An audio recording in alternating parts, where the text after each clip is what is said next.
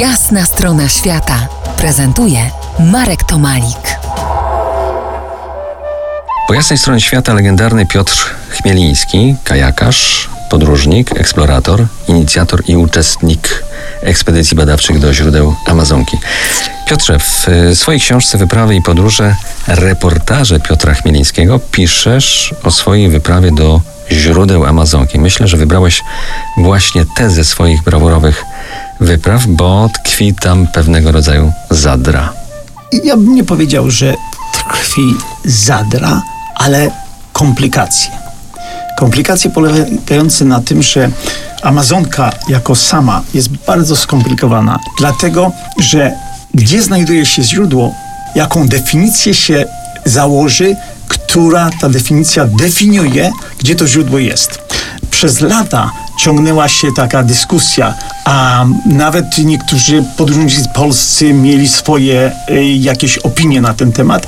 A w 2012 roku dr Rocky Kontos znalazł, że źródłem może być jeszcze inna rzeka, Mantaro, i źródła Mantaro mogą być najdłuższym punktem, gdzie kropla wody przepływa najdalszy odcinek od źródeł do ujścia. I właśnie tym się zajmowałem w latach 2012-13 i co się okazało jako definicja, używając definicji geograficznej i używając definicji ciągłego płynięcia wody, że źródło stałe jest e, w, przy źródłach e, Apurimaku i to się nazywa jeziorko Tiklakocza, stamtąd wypływa woda i płynie cały rok.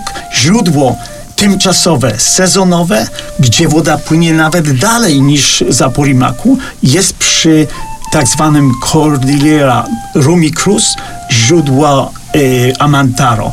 Żeby to zrozumieć, jest to dość skomplikowane.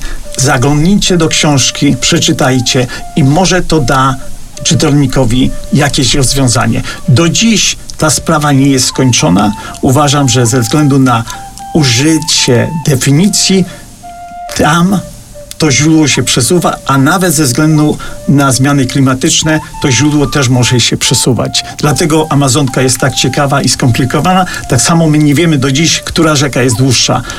Jeżeli ktoś podaje w kilometrach że Amazonka ma tyle, a tyle kilometrów, to trzeba powiedzieć w którym roku, w którym miesiącu, w którym dniu, bo długość się zmienia ciągle.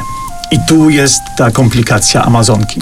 To był Piotr Chmieliński, człowiek z żelaza, autor niedawno wydanej książki Wyprawy i podróże, reportaże Piotra Chmielińskiego, którą Wam gorąco polecam. Do usłyszenia po jasnej stronie świata za niecały już tydzień. To była jasna strona świata w RMF Classic.